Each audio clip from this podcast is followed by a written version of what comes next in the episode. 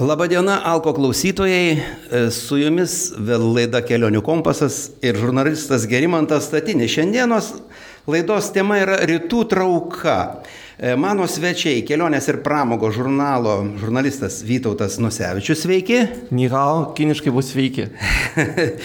o taip pat aktorius, režisierius, rašytojas, dzen budistų vienuolis Kestutis Marčiulinas buvo Hank Sunin. Anio, hasėjo. Čia turbūt pasisveikinot korejietiškai, kiek supratau. Taip. Ai, nu taip. Na, vienu žodžiu, prieš 17 metų e, aktorius, režisierius ir žurnalistas, tai prašoma spaudoje, Kesutis Marčiulynas iškeliavo į Pietų Koreją ir tradicinėje Kwanų mokykloje tapo zen budistų, e, zen vienuoliu, buvo Huang Sunim. Vat, tai klausimas pirmas ir būtų, e, trumpai kestutį papasakokite savo istoriją, kaip pasitiko taip, kad patekote į Pietų Koreją. Susidomėjau dvasiniam praktikom, iš pradžių skaičiau knygas, toliau truputį jogą, tai čia galbūt 1981 metais. Ir domėjausi, domėjausi, bet nebuvo kažkur tai mokytojų, nes buvo uždara mūsų valstybė. Ir 91 metais, kuomet jau atsivėrė sienos, pirmas žmogus, kuris atvyko ir aš jį priėmiau, organizavau jo susitikimus, tai buvo zen budizmo vienuolis. Ir va taip man pavyko. Ten iš pradžių nelabai domėjausi, bet toliau jis dar kartą atvyko, dar kartą atvyko ir čia Sungsano zenmeistro mokinys buvo. Ir galiausiai pats meistras atvyko ir tada aš jau tapau jau mokiniu. O jisai vad buvo korėtis. Nors pats domėjausi daugiau japoniškų zen. Kestutį, jeigu galima, šiek tiek dar truputėlį savo biografijos. Pats jūs kilimo iš kur esate, iš kurio miesto ar iš... iš... Gimęs esu tai Ramonų kaime, netoli Kaunų Vilkijos rajone. Nes aš nu, jame tame ir nebuvau. Dauguma mama dirbo Kauno centriniam pašte, klinikose Kauno. Ir mes gyvenam Vėlionu, jinai važinėdavo visą laiką ir norėjom persikelti Kauną nes um, mamos visi mano tėčio giminė yra kauniečiai, bet močiutė nenorėjo parduoti savo ūkės Vėliūnui ir aš visą su močiutė augau ir mokiausi toj mokykloje, Vėliūnos viduriniai. Paauglystėje kuo domėjotės? Kokias knygas skaitėt? Kelionė keliones. Pasimdavau gerą virvę ir lipdavau ant skardžių, prisileisdavau, prisiriždavau prie kokio nors medžio ir leisdavausi, kai koks alpinistas šokinėdamas nuo skardžio. Ir mėtydavau lasus kažkur tai, kad vėl nulipti. Kažkaip ruošiausi kažkokiam kelioniam, labai norėjau būti jūrininku ir ralistu, kaip sako, vairuotoju. Tai va tos mano trys dalykai ir aišku, aš augau prie Nemono. Tai su valtim turėjau savo valtį, tai su ją plaukiodavau labai jau daug ir, ir truputį su upeivystė buvau susipažinęs, uždarbiaudavom ten įvairiuose baržose ir panašiai. Kart. Ar studijavot kur? Studijavau Kauno Politechnikos institute, paskui įstojau į Kauno pantomimos teatro studiją ir tapau jau aktorių profesionalių Kauno dramos teatrų antros kategorijos. Ir tada jau prasidėjo mano aktorinis toks darbas ir režisūrinis sugrinai surištas su, su teatru, taip pat dirbau Europos redakcijoje, bet mes prie jos prisišlėję ir kūrėm liberaliją tokį laikraštį.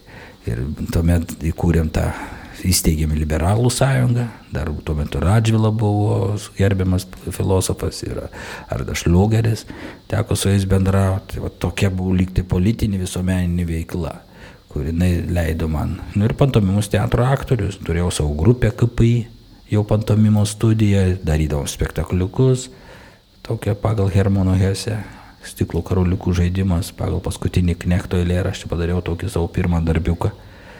Tai va, ten niekas jau nesuprato, bet aš supratau tai. Iš tiesų sudėtingas kūrinys, aš skaičiau irgi abiturientų būdamas ir sunkiai taip. Jo, bet aš jau kai domėjausi to zen budizmo, jisai labai artimas buvo tam, ką aš jau pats domėjausi tas srautas mes tiesiog be jokios pasiruošimų plaukiantis kažkur tai kaip banda, kažkur tai su kančia, su visko ir neaiškiai ta gyvenimo prasme ir tas knygos herojus, jisai galvoja, kad irgi jaunas, jisai jau pasiekęs aukščiausias aukštumas, bet pamato jauną vaikiną ir bando rungtyniauti su jo plaukime. bet plaukimui, kaip sakoma, PhD nepagelbės ir jis nuskęsta. toksai keistas, absurdas. Aišku, Hesė, jisai tikrai buvo absurdu, toksai keistas rašytojas įdomus, aišku, jis atkarta jo, tai nuostabus kūrinys. O kaip, kaip atsitiko taip, kad e, tiesiog viską palikote ar šeimą e, reikėjo palikti ir išvykote į Pietų Koreją? Aš jau buvau įsiskyręs, bet dar laukiau, kol mano dukrai sukaks 18 metų, visiems dar reikėjo kažkiek tai padėti. Ir tuomet, kada jau taip lygtai maždaug savarankiški jau tapo, tada jau pasiru, pasiryžau tapti vienuoliu, nes daug labai uždavinių man duodavo mokytojas ir aš neturėdavau laiko. Bohemiškas gyvenimas ir vėl meditacija. Ir tada jau sako, geriau tu sako, jeigu tu nori iš vis dar gyvas būti arba dar suvokti kažką tai savy, ką tu ten bandai, juokinė truputį žmonės, tai su savo tuo gyvenimo būdu, tai neišmintingai elgdamas, tai tau patarima tau konkrečiai vienuoliu. Tai buvo, reiškia, krizinis momentas toksai kažkoks tai, ar ne? Kad taip, tiesiog... tai buvo krizinis. Bet buvo daug kitų kelių, galima buvo ir į vienuolyną, į krikščionybės, į katalikybės, į kad... Tai taip, bet tai mokymas, tai čia yra yra mokymas, o tu kai esi vienuolis, daugiau laiko jau tam mokymui skiri. -hmm. Nes aš neradau nei vieno mokinio iš mūsų krikščionybė. Nes aš matydavau, kad išmintingi vienuoliai teisingai gražiai elgesi, labai gražiai veidai. Taip ir taip, o mokymas labai toks paviršutiniškas. Tiesiog mhm. pasauliečių net nemoku. Ir man nėra nei vienos jėgos, kad mane įtrauktų į tą jų mokymą. Ir tiek, kad tai Vasanislas sakydavo, nu kodėl tu taip, kaip tu kalbi, kaip tu darai su žmonėm, koks čia yra mokymas. Sakydavau, vaikeli, jeigu aš tau pasakysiu, tai mane atims dar vieną parapiją. Tai va, tas lygis, kad paprasti vienuoliai pasiekdavo lygis, visą laiką būdavo aukščiau negu bažnyčios hierarchijos lygis, matypat. Kažkaip tai ten jie vienas sekdavo, kaip tu mokai, taip ir panašiai. Ir tos išmintys vidinės, kurių labai keistos yra suvaržytos. Budizme to nieko nėra, nieko nėra centralizuotos valdžios. Gerai, Kesutė, ačiū už tokią įžangą įdomią. E, na, prie Vytauto. Vytautas taip pat turi tą jaučią trauką rytų, nes iš tiesų, taip. iš tiesų irgi kiek keliauju, tai žiūriu, kad net ir ta Gruzija vis tiek į tai rytus traukia. Taip, taip. Ir dabar nesenai grįžai iš Kinijos ir Tibeto. Kokie kelionės tikslai buvo? E, keliavau pažinti, jau čia bus antra kelionė į Kiniją. Pirma buvo prieš keturis metus, buvo tikslas Šaulinio vienuolynas, dabar buvo tikslas Tibetas. Ir kadangi aš e, nuo mažumės domiuosi kovos menais ir rytų kultūrą, ypatingai kinų, tai man ši kelionė buvo labai įspūdinga ir, ir e, Tibetas paliko neišdildamą įspūdį. Tai keliav... O keliavai į Tibetą su traukiniu? E, taip, keliavau su traukiniu. Tas kur nu, nutestas naujas? Taip, taip, su nauju traukiniu, ten per visą tą Tibeto kalnuotos regioną ir, ir, ir šiek tiek keliavau autobusu, iki nuo Džigi miestelio keliavau autobusu, per perėjas ten jau su vietiniais keliavau į Lasą, kuri yra 3 km 600 m aukštyje. Tai ir ten gyvenau kažkur apie 3 dienas ir keliavau, su, e, lankiau rūmus, vienuolynus, bendravau su vietiniais, bet e, ten dalyvavau jų e, tose korose, įėjimai aplink šventyklas e, ratu su, su maldaus mal, malūnėliais arba su malomis, va, kurią ir atsivežiau iš Tibeto vieną. Tai labai įspūdingas, tikrai e, ruošiuosi rašyti didžiulį straipsnį į žurnalą Kelionės pramogos apie šitą savo e, kelionę. Sakau, buvo iš Aulino, vienuolyną buvo įspūdingas, irgi su traukiniu keliavau ir dabar į Tibetą antrą kelionę irgi labai tokia labai stipri ir įspūdinga. Paliko tikrai gilų įspūdį. Ir ne tai, kad kaip daugelis sako, ten keliaukite į Tibetą, tave pakeis. Manęs nepakeitė. Aš grįžau Lietuvą, dar labiau mylėdama savo kraštą, bet, bet ten, sakau, keliaut būtina ir apsilankyti, pamatyti, kaip žmonės tikrai, kokia yra šalis ir koks stiprus tikėjimas. Aš ten pabuvęs supratau, kad Kinija jų neįveiks, nors ir kokias ten sankcijas daro, žmogų galima sunaikinti, bet nugalėti jų nenugalės, nes ten jų kraujyje tas, tas, jie jau šeštą ryto, kai pas mus e, visi bėga, va, tai Lidl atidarė Lidl mhm. E, minios, tai ten į vienuolyną, ten negali patekti, ten minio žmonių, jauni, seni, su vaikais, šeimomis, eina prie tų, melžiasi, o mani padme, eina gėda, tok, toks stiprus tikėjimas ir ta šviesa žmonių akise, ta šviesa matoma kiekvienas, kuris nusišypso, tas e, matosi, kad žmonės tikrai yra dvasingi ir jų kryptis aiški ir tiksli ir, ir, Ir aišku, laiko klausimas, kada jie... O prie Kailašo kalno neteko būti? Netoli buvo, buvom prie bazinės Everes Rongbuko vienuolino, ten irgi aukštis virš keturių.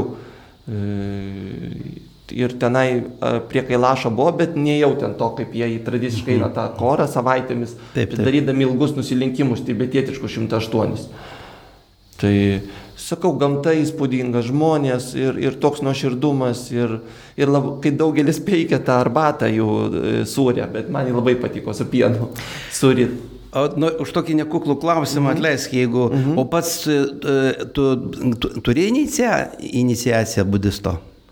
E, ne, neturiu tokios. E, Bogiems jaunimu daug mes bendravom jau tikrai, kai jis Lietuvoje susipažinom. E, Ir e, aišku, jis pamini, kad čia draugai vat, prieina, kažkokius mm -hmm. įžadus priema vardus, mm -hmm. bet e, aš, nu, kol kas, nežinau, nematau to kažkokio, tai nemanau, kad tai sustiprins mano praktiką kažkaip. Supratau. E, Kestuti, parašėt e, knygą laiškai iš drakono kelių, kurią šiandieną dar pasitikslinau, prieš keturis metus skaičiau ir gavau dovanų iš Berots, taip pat iš Vytauto. Ir e, mane taip pat traukia kažkaip tai vis tiek, nes rytai, šiaurė ir rytai yra, jie gana, sakyčiau, šiaurė savotiška irgi turi tokią e, trauką, o rytai dvas, daugiau dvasingumą tokį. Ir man ta knyga tikrai patiko. Patiko ir žiūrėjau jūsų spektaklį ir e, aš nebeingas irgi taip pat rytų tą trauką jaučiu. Dėl to jūs, manau, ir, ir šiandieną ir sėdite kartu su manim ir kalbamės apie tai, apie tą rytų trauką. Vat, tai ką jums kestuti reiškia kalnai? Kurėjo kaip Gerbėm Paulių Normantą atvežiavo pas mane daryti nuotraukas, savo parodą, dabar jis padarė Budapešte parodą iš Korejos vienuolyno. Tai sakydavo, ne kalnai, čia pas jūsų sopkos. Tokios, jie, Kalvelės. 800 metrų ten 900, lygi tūkstančių ten jau nelabai. Šiaurės Korėje daugiau, bet mes tenai sunkiai patenkam, vieną kartą patekau į Diamantinius kalnus. Tai jie nedėlė, bet jie yra tokie, kad jų daug ir per tą kalnų viršūnės einant gali labai toli nueiti. Jie pastojo vaikščio į kalnus, lipa ir tie kalnai yra tokie labai tokie akmenuoti ir atrodo jis neaukštas, bet ten yra kur pavarkti. Ir jeigu išeini, tai visai dienai. Ir eini, ir eini, ir eini. Toliau pridarytos visokių tokių polisio aikštelių, e, tos virvykės kažkur. Tai, nu, labai žmogui pritaikyta, kad jis kiekvieno amžiaus žmogus galėtų nueiti tos kalnus. Nes kalnai vaikščiojimas, tai pirmas dalykas, jie daug dirba. Jie labai daug dirba, 14 valandų į dieną koriečiai.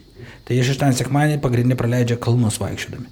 Tai yra terapija, psichoterapija. Tai yra tas kalnų, tas išėjimas, jis vaikščiojimas, jis tiesiog miniom eina į tos kalnus, nes turi kur.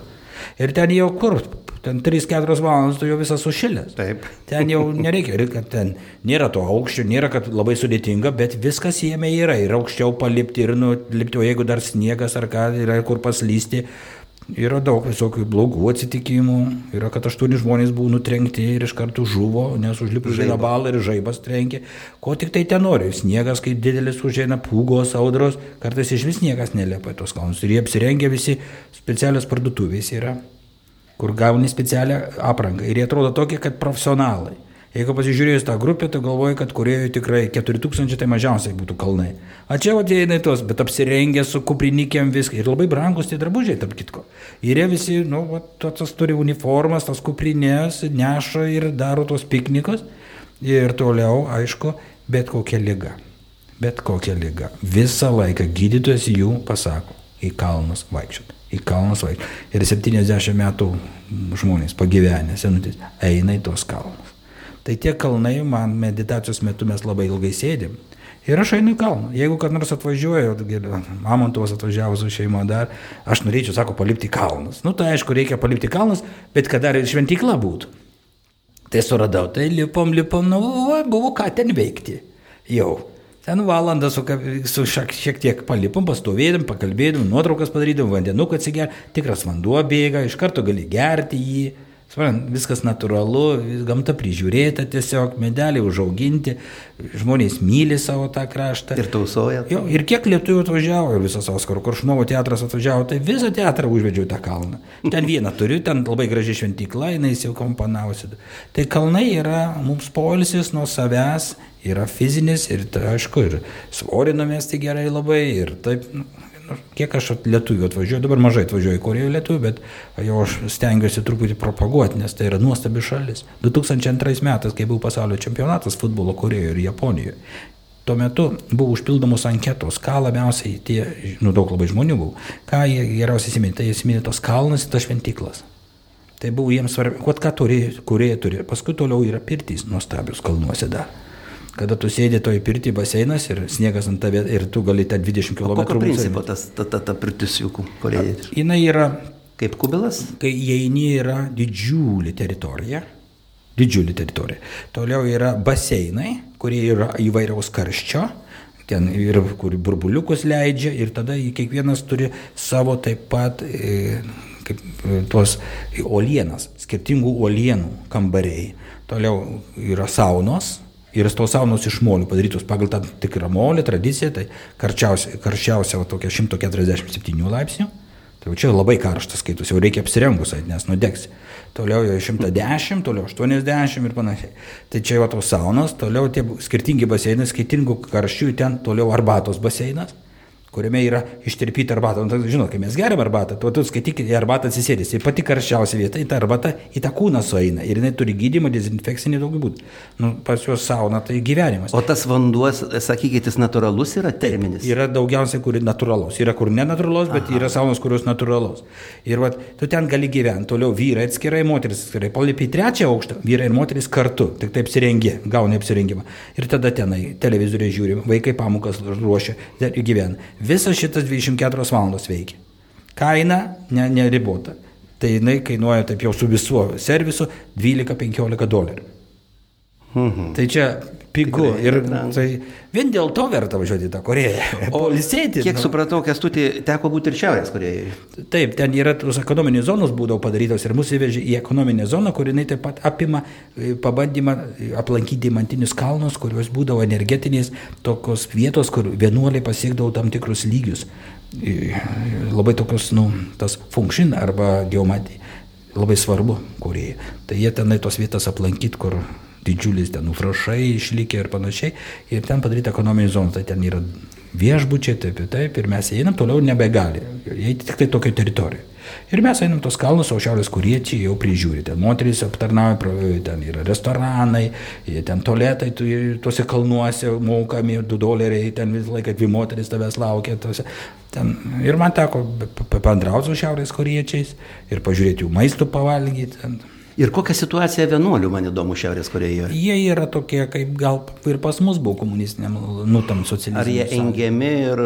Jie, pas juos yra tas komunizmas daugiau surištas su labai stipriai su ta jų kultūra. Jie turi tradicinius drabužius, taip ir taip. Budizmas jisai neturi tokio kaip, kaip Dievą ar panašiai. Nu, mhm. Jie krikščionybė labai sunkiai jiems ten sekasi skverbtis į Šiaurės Koreją.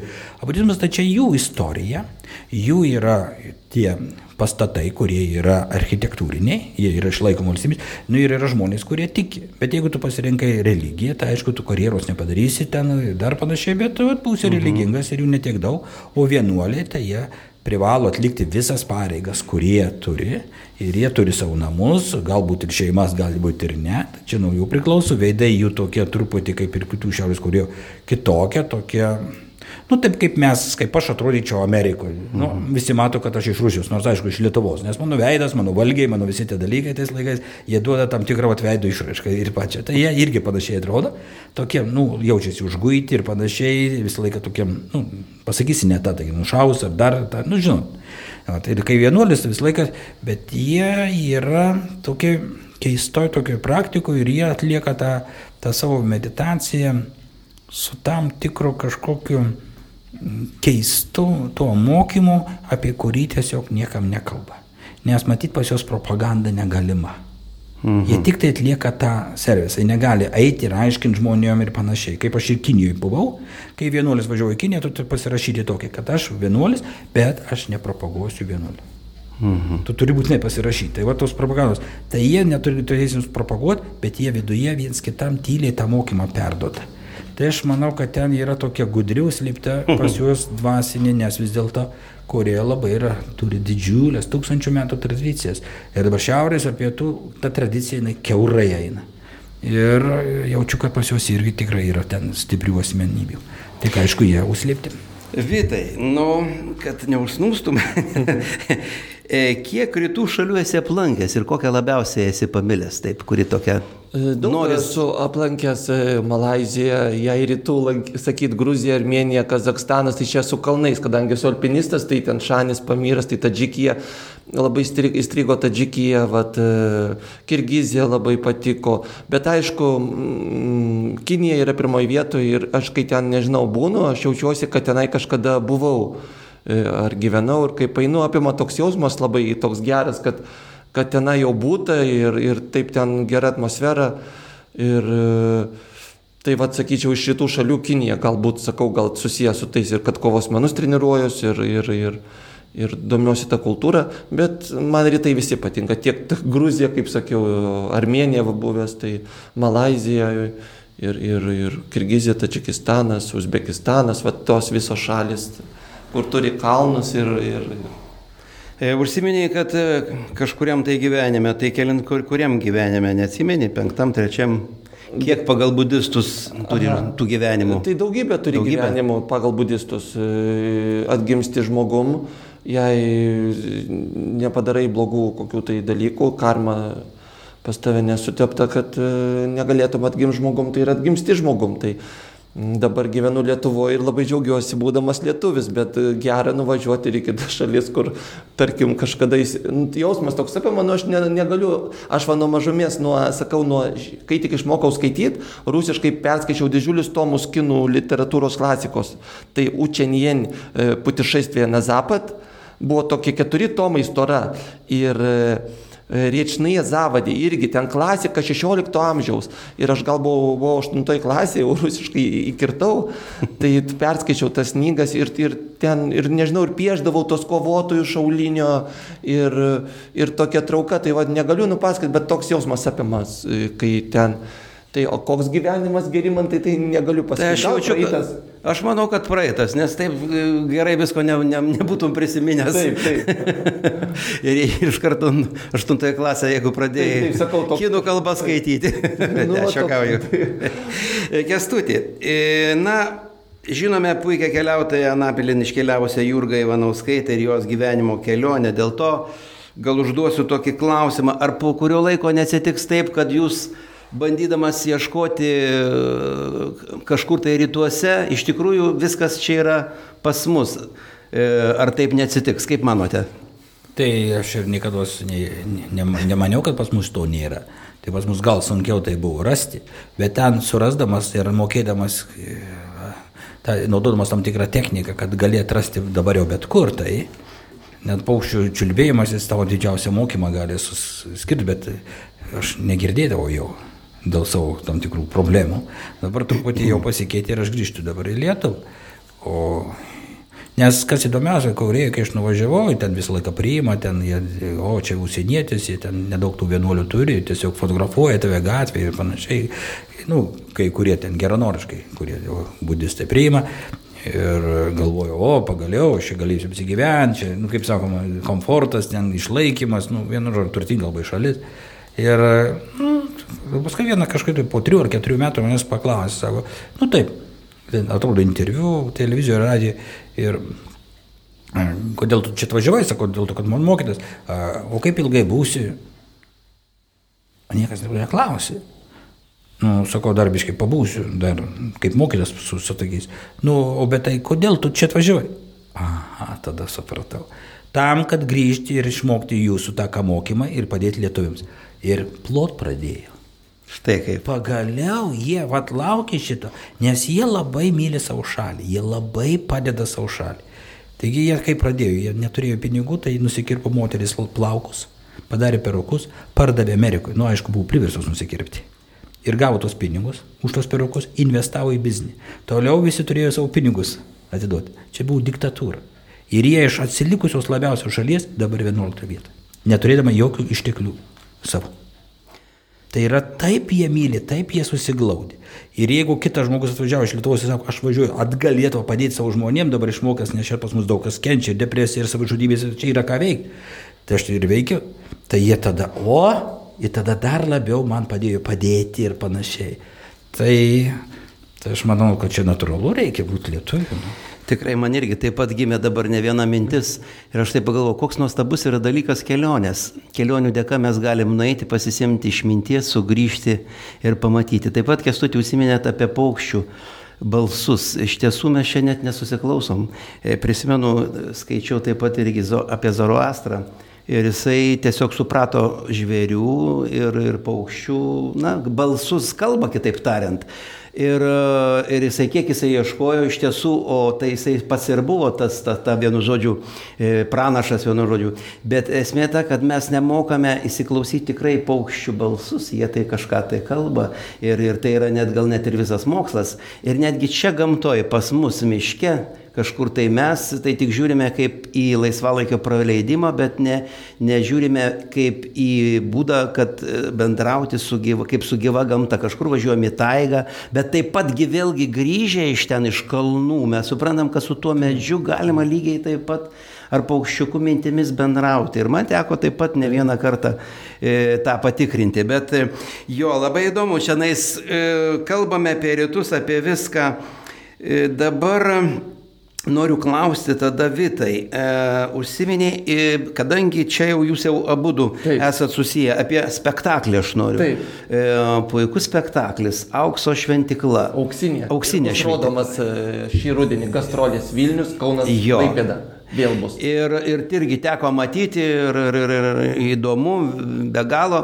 Ir pats netgi produsuoji taip, šitą reikalą taip, visą. Taip, taip, dirbu Aha. su šituo. Ir va tai klausimas taip, toksai taip. būtų, tai kokie su kokiais sunkumais tenka susidurti, va tokiai kaip producerio ampluo. Mhm. Tai ma, aš gerimantai mėgstu. Kaip publika darbą, priema? Pildomas Lietuvos. Nuostabiai priema. E, pilnos salės ir prašo dar parodyti, todėl ir rodom šį rudenį vėl.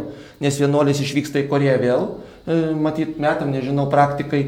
Tai čia rudenį bus paskutiniai spektakliai, bet e, sausakimšos salės būna ir ne, aš jau kiek jau dirbu su tuo spektakliu, gal penki metai, kai prasidėjo berots. Tai nebuvo, kad būtų pustuštė salė ar ten apie kokią visada pilna būdavo, pilna, sausakimša, trūkdavo bilietų, mhm. todėl labai malonu dirbti, man patinka dirbti su kestučiu ir e, patinka, ta, sakau, ir, ir spektaklis puikus, kviečiu visus ateiti. O kas kestutis sunkiausia būna meditacijų, meditacijų metu? Kovoti su fizinė būsena, ar tai ar, ar, ar, ar kitokie dalykai sunkesni? Meditacijos metu yra sunkiausia užbaigta meditacija, nes jau joje tu įeini tam tikrą būseną, kurioje tu norisi likti ilgiau. Anksčiau tai būdavo ten mintys ar trukdymai, dar fizinis skausmas būdavo, toliau kažkoks įžeidimas, kažkokie žodžiai, tave emocija suveikdavo, tu negalėdavai susikaupti, jeigu tave ten vienuolis ten biški tau sudavė kur nors už blogą darbą, žinai, dar. Ach, netgi šitaip. Na nu, taip, truputį taip fiziškai, nes vis vien mes vyrai esam tarpusai, ką ten kalbėtis. Tai va, ir, ir tu pergyveni ir panašiai. Bet e, dabar jau šitas išnyko, dabar aš jau sėdėjau 38 kartus, tai va, kada tu, ir dabar išlaikyti tą meditaciją, dabar kalbant su jumis, einat gatvę, sutinkant žmogų, kuris nori sužudyti ir man kalba, kodėl taip, ir aš žiūriu dvi valandas išklausau prie telefono tos pokalbis ir svarbiausia išlaikyti tą ramę būseną. Va čia sudėtinga ir aš būtent tą ir mokau žmonėm, kaip išlikti kasdieniškai, o toj praktikui, ką ten kalnuose darom. O kūrybai kada lieka laiko? Vis tiek spektakliai, rašote dar. E, Daugiau aš darau tokią, kaip sakoma, improvizaciją, nes aš nedarau kažkokio personažo ir ne, nesistengiu apsimesti, kad man čia jaudina, nes aš kalbu tik tai tai, kas mane jaudina. Netgi nepakalbėjome apie tą, buvau pasižymėjęs apie, apie tą kaligrafiją, kaip jinai čia vadinasi, dabar žiūriu, pansori. Ar jums, jūs pats ne, ne, ne, ne. Čia ne kaligrafija, Girima, tai čia gėdojimo menas. Ar čia gėdojimo menas? Korejos, taip. Wow. Čia. Taip, yra tokia kaligrafija, kur vadinasi pansori, jinai reprezentuoja pačią tą pansori balsą, kur jinai A. turi tokį specialų unikalų moteris balsą, kuris yra UNESCO. Tai čia gal jų, ne, kur buvo per spektaklį vieną kartą? Vieną kartą aš buvau atvežęs Anykščių šinelį. Tai teko matyti. Šilelį mes Anykščių išvertėme kuriečių kalbą ir jinai atliko. Taip, teko, e, jums mūsų laikas į pabaigą, kaip įdomu. Ir tikrai, žinau, kad tikrai ten ir kaligrafija buvo. Taip, taip, gerai. Dar Vyto tada paklausiu, taip. pats ir vedi grupės į kalnus. Taip, gerimas. ir kas sunkiausia būna vadovo e, vaidmen, vaidmenį? Tai. Žmonės motivuot, kurie jau įkopė į 3 km aukštį ir kurie jau nebenori toliau, tai tas sunkiausia juos paimti ir vesti į viršūnę. Bet tas, kai jau užvedi į viršų ir tas džiaugsmas, tai apima vis, atlygina visus tos tos sunkumus, kuriuos teko patirti juos vedant.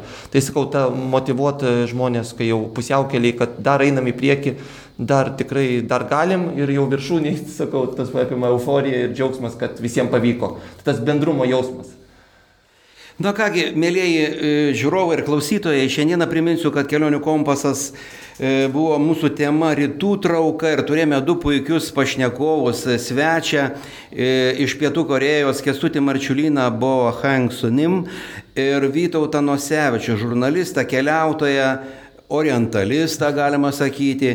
Ir šiandien kalbėjomės apie, apie keliones į save ir į rytus. Ačiū, kad buvote ir iki kitų kartų. Sudė.